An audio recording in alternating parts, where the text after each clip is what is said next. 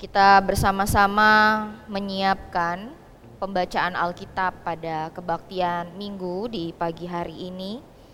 Pembacaan Alkitab diambil dari Injil Markus, pasalnya yang pertama, ayatnya yang ke-21 sampai dengan ayatnya yang ke-28. Mari kita mempersiapkannya, Bapak Ibu Saudara-saudari.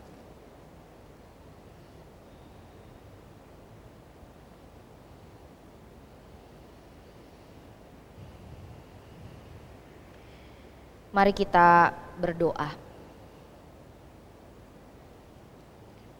Kami mengucap syukur kepadamu ya Allah, Allah Bapa, Anak dan Roh Kudus. Untuk hidup kami yang Tuhan jaga dan Tuhan pelihara.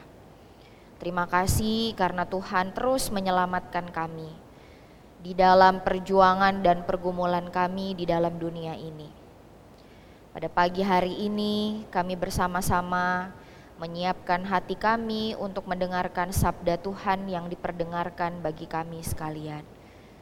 Mampukan dan tolonglah hambamu yang akan memberitakan firman Tuhan sehingga hamba di dalam pergumulan untuk juga lebih dulu melakukan sabdamu ini dalam hidup hamba secara pribadi dikuatkan dan juga dimampukan Allah untuk melaksanakan tugas pemberitaan firman ini.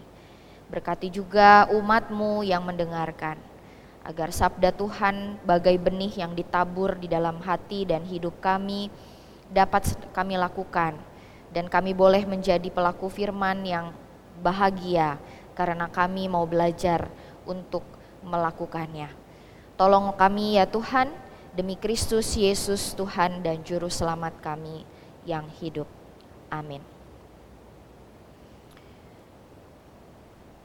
Injil Markus pasal 1 ayat 21 sampai dengan 28 dengan judul dari Lembaga Alkitab Indonesia Yesus dalam rumah ibadat Kapernaum. Demikian tertulis. Mereka tiba di Kapernaum.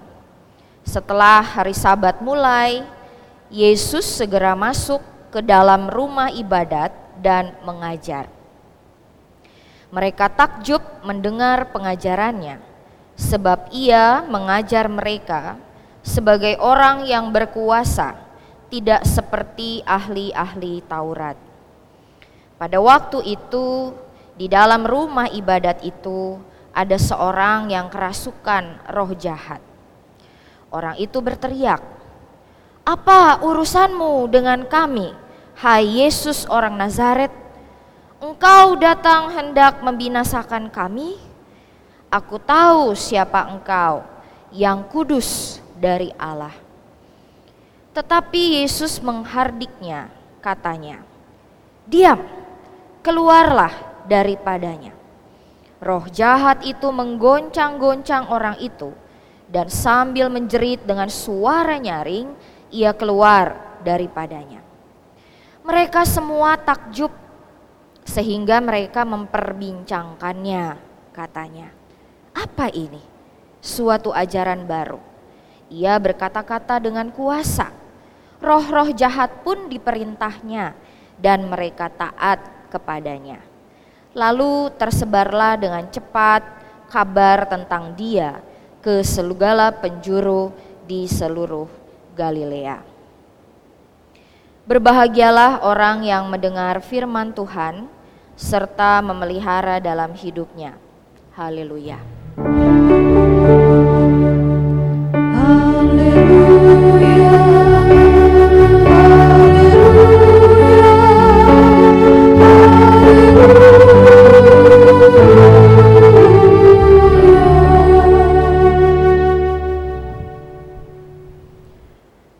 Bapak, saudara-saudari yang saya kasihi dan saya hormati, di dalam sebuah kisah di bukunya Nyanyian Burung Berkicau,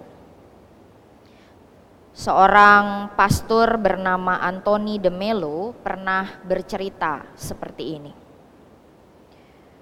Sudah jam 9 pagi namun Nasruddin masih tertidur lelap Matahari telah tinggi, burung-burung berkicau di pepohonan, dan sarapan Nasrudin telah menjadi dingin. Maka istrinya membangunkannya. Ia bangun dengan amat marah. Mengapa justru sekarang engkau membangunkan aku? teriaknya. Apakah engkau tidak dapat menunggu sebentar lagi? Matahari telah tinggi, sahut istrinya. Burung-burung berkicau di pepohonan dan sarapanmu sudah menjadi dingin. Perempuan bodoh, kata Nasruddin. Sarapan itu tidak berarti jika dibandingkan dengan kontrak 100 ribu dinar emas yang baru saja aku tanda tangani. Maka Nasruddin membaringkan badannya lagi di tempat tidur. Sambil berguling-guling, ia berusaha menangkap kembali mimpinya yang terputus dan kontraknya yang hilang. Ternyata di dalam mimpinya, Bapak Ibu Saudara, Nasruddin bermimpi mengadakan kontrak dengan penipu dan partner bisnisnya adalah seorang penindas yang curang. Kalau dalam meneruskan mimpinya Nasruddin tidak jadi menipu, maka Nasruddin akan menjadi seorang yang suci. Kalau dia berusaha memati-matian untuk membebaskan rakyat dari kekejaman penindas, maka Nasruddin akan menjadi pembebas. Kalau dalam mimpinya dia tiba-tiba menyadari bahwa ia hanya bermimpi, maka ia akan menjadi seorang yang sungguh-sungguh sadar dan seorang mistik. Tetapi apa gunanya menjadi seorang suci dan pembebas selama seseorang masih tidur? Bapak Ibu Saudara yang terkasih agama di dalam bahasa Sanskerta berarti tidak kacau. Tetapi di dalam pengertian mendalam melalui ilustrasinya, Anthony de Mello mengajak kita merenungkan satu fungsi agama yang paling sehat, yaitu membangunkan kesadaran. Kapan seorang beragama bangun dan menjadi sadar? ketika dia tahu bahwa dia keliru dan dia mau memperbaiki kesalahannya, membarui dirinya. Yesus, Bapak Ibu Saudara yang terkasih, tidak datang membawa agama yang baru, tetapi dia tahu ada yang keliru di dalam pemahaman agama orang-orang pada saat itu. Di sisi yang lain, Tuhan Yesus berhadapan dengan kerinduan yang tidak terpuaskan dari halayak ramai pada saat itu akan khotbah dan ajaran yang sehat. Tapi sayangnya pada saat itu para pendengarnya tidak mendapatkan ajaran yang baik dan sehat itu dari para pemimpin agama. Bukannya menjadi orang yang bebas merdeka, tapi umat pada saat itu malah makin sedih dan makin sengsara ketika mendengarkan ajaran-ajaran dari para pemimpin agama. Di Kapernaum, Yesus tiba-tiba bersuara. Yesus datang bersama dengan dua muridnya sebagai seseorang yang tidak terpandang dari kota Nazaret. Dan dia menjelaskan tentang isi kitab suci. Bahkan dia menunjukkan bukti dari perkataannya dengan mengusir roh jahat dari salah satu orang yang kerasukan di dalam rumah ibadah. Tentu kita heran, kenapa bisa ada orang yang kerasukan roh jahat di dalam rumah ibadat. Seakan-akan Markus mau berkata kepada kita, tidak mengenal dia ada di mana pun, seberagama apa pun dia, sesaleh apa pun dia, kalau namanya dia e, dikuasai oleh kejahatan, setiap orang tidak luput dari itu semua. Salah satu hal yang dia katakan membuat semua yang hadir pada saat itu tercengang dan heran. Kenapa? Sebab apa yang Yesus ajarkan, Bapak Ibu Saudaraku, amat berbeda dengan apa yang para pemimpin agama pada saat itu katakan. Yesus mengatakan sesuatu hal tentang Musa dan Elia. Dan dia bicara siapa itu Allah. Apa rencana Allah? apa kebaikan-kebaikan Allah, perbuatan-perbuatan Allah, dan janji-janji Allah. Dan semua yang dikatakan oleh Tuhan Yesus dinyatakan juga melalui hidupnya. Apa yang dikatakan oleh Tuhan Yesus bisa orang lihat dari hidupnya. Apa yang dikatakan oleh Tuhan Yesus bukan hanya sekadar janji-janji, tetapi Yesus sendirilah yang menjadi penggenapan dari janji itu. Dialah firman Allah yang hidup.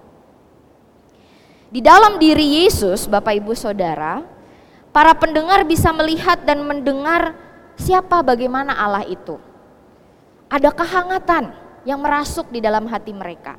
Ada damai sejahtera, ada sukacita. Kemudian para pemimpin agama melihat ketika semua orang tercengang dan heran dengan perkataan Tuhan Yesus, mereka tidak suka. Kenapa? Karena ada kompetitor, ada saingan. Jualan mereka kan ajaran, ya, Bapak Ibu Saudara. Para pemimpin agama pada saat itu ahli Taurat menurut Injil Markus hidup dari omongan, menjual ajaran-ajaran mereka. Omongan menjadi Tuhan yang menguasai mereka. Ajarannya mereka sembah dan mereka dewakan. Mereka tidak peduli apakah umat itu bangun atau sadar atau menjadi lebih baik karena perkataan mereka. Yang terpenting bisa meninabobokan.